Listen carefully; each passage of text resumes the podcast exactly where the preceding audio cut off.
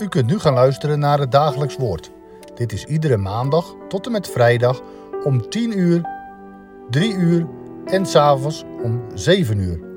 Deze meditatie wordt verzorgd door dominee Heikoop.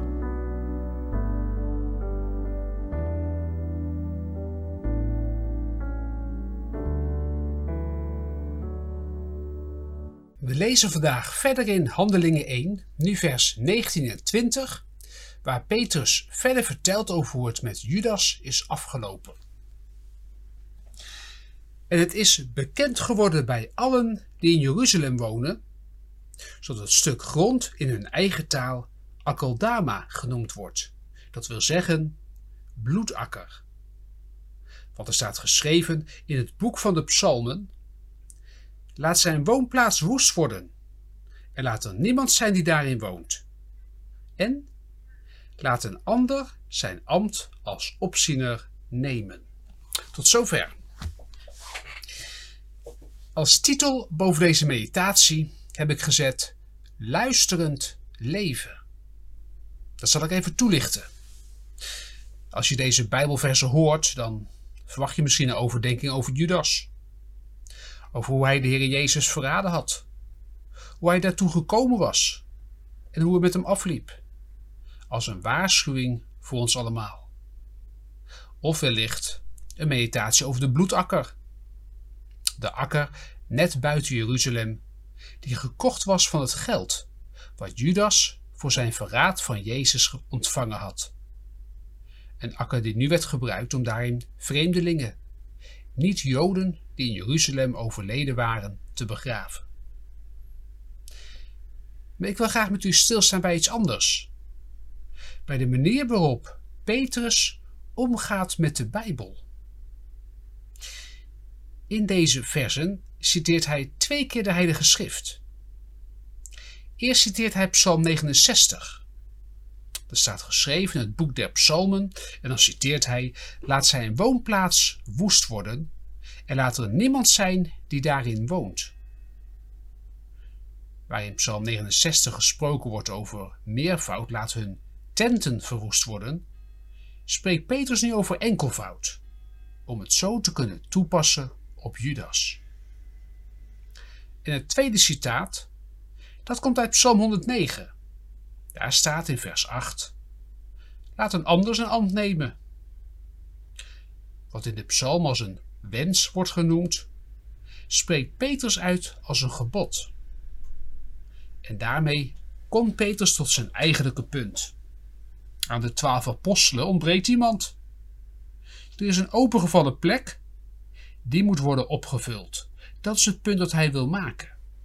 En door de wens uit Psalm 109 als een opdracht te formuleren, geeft Petrus het voorstel om een opvolger voor Judas te kiezen goddelijke autoriteit. Het valt op dat Petrus nogal vrij omgaat met deze Bijbelteksten. De citaten kloppen niet helemaal met hoe die in de psalmen staat. En dat is niet alleen een kwestie van vertalingen. Petrus verandert ze ook bewust, om ze zo toe te kunnen passen op de huidige situatie. Daarom die omzetting van meervoud en enkelvoud en die omzetting van een wens naar een opdracht. Dat kan de indruk geven dat Petrus op een heel willekeurige manier omgaat met de Bijbel. Hij lijkt zomaar wat versen uit de Bijbel te pakken en die te veranderen naar hoe het hem zelf het beste uitkomt. Maar dat lijkt me een te snel oordeel. Ik denk dat iets anders aan de hand is. Petrus leeft dicht bij Gods woord. Hij laat zich leiden door Gods woord. Hij leest en herleest, herkoudt de Bijbel. Elke dag is hij daarmee bezig. Hij hoort er niet alleen allerlei dingen over vroeger, ja dat ook, maar hij hoort allereerst Gods stem vandaag. Door het lezen van die Bijbelwoorden, door het overdenken ervan, daaraan hoort hij de Heer Jezus vandaag tot hem spreken. Hij leeft op een luisterende manier. En vandaar de titel voor deze overdenking: Luisterend leven. Als je goed luistert, dan merk je dat deze psalmcitaten hier wel, heel, toepasselijk, toe, heel goed toe te passen zijn. De situatie waarin Petrus en de andere discipelen nu zitten, komt namelijk volledig overeen met de situatie die in beide psalmen beschreven wordt. In, psalm, in zowel psalm 69 gaat het over iemand die door een vriend verraden wordt.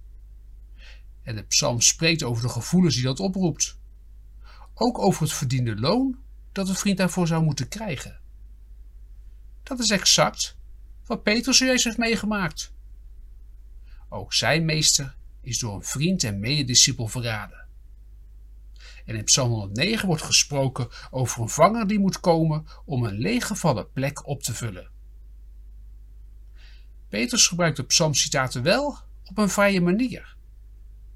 Maar de omstandigheden in die psalmen komen precies overeen met de situatie waar hij en de andere discipelen zich in bevinden. Hij herkent zijn eigen situatie in de psalmen die hij aanhaalt. Dat is precies het punt. Het gaat niet om het aanwijzen van overeenkomsten, parallellen. Het gaat erom, Petrus leeft dicht bij de Bijbel.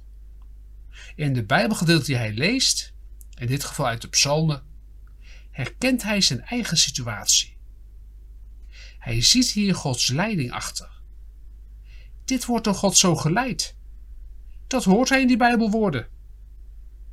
Voor Petrus en voor veel andere gelovigen bevat de Bijbel het levende woord van God. God spreekt vandaag door die Bijbelwoorden heen. Door daarna te luisteren, door luisterend te leven, merkt hij hoe God door die Bijbelwoorden hem in zijn situatie aanspreekt. Dat is ook de les voor u, voor jou en voor mij. Wij moeten dat ook leren. Luisteren naar Gods woord. Luisteren naar waarin hij, wat hij daarin vandaag tot mij te zeggen heeft.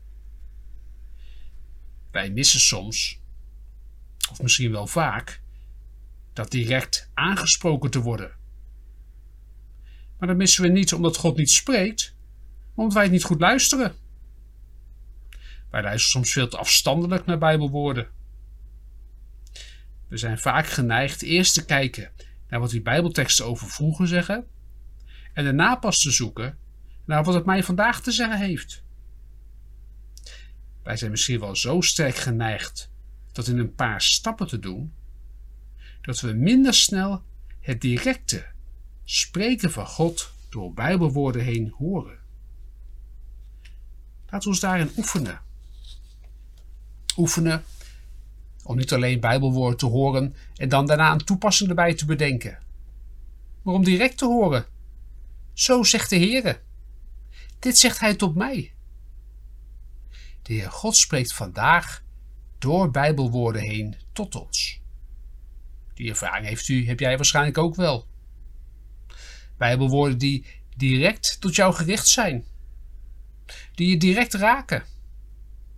Een zin uit een preek die precies op jou van toepassing is. Een Bijbelwoord dat je las of hoorde, net hoe je dat zo hard nodig had. Die ervaring hebben we allemaal. Maar misschien hebben die maar zo nu en dan.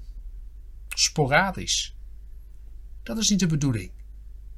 God spreekt elke dag tot ons. Hij heeft voortdurend dingen tot ons te zeggen. Niet alleen in bijzondere omstandigheden, maar elke dag opnieuw. Daar kunnen u en ik wellicht nog wel in groeien. Luisterend leven. Dat begint met het besef: God is de levende God. Hij spreekt op mij door woord en geest. Luisterend leven.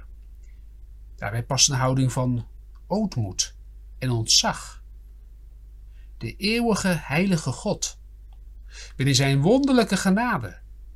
Contact met mij. Een kleine, vaak zo egoïstische zondaar. God spreekt.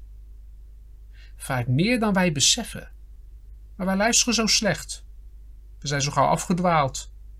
Ons hart is zo vaak vol van allemaal andere dingen. God leidt ons op onze levensweg. Hij heeft elke dag dingen tot ons te zeggen. Hij heeft woorden voor alle situaties waar we ons in bevinden. Laten we ons daarin oefenen om dat te horen. Net als Petrus, luisterend leven. Dat begint heel eenvoudig. Door elke dag opnieuw, bij het openen van Gods woord, dat korte gebedje te bidden. Heren, wat wilt u vandaag, door deze Bijbelwoorden heen, tot mij zeggen? Amen. Laten we samen bidden. Heren, wij danken u dat u spreekt. U, de levende Heer, spreekt door woord en geest tot mij. U heeft zoveel om mij te zeggen. U wilt mij leiden door het leven. U wilt mij steeds weer opnieuw roepen tot bekering, roepen tot U, de Heer Jezus Christus. Roepen tot het kruis, tot die plek waar verzoening en genade te krijgen is. Heer, dank u wel daarvoor. Wil ons ook, net als Petrus, leren om luisterend te leven. Om niet zo nu dan wat parallellen aan te wijzen. Niet zo nu dan een Bijbelwoord toe te passen. Maar om te horen dat u vandaag tot mij spreekt. Heer, help ons daarbij. Leid ons daarin. Neem ons bij de hand en leid ons, dat bidden wij u. Uit genade, om Jezus wil. Amen.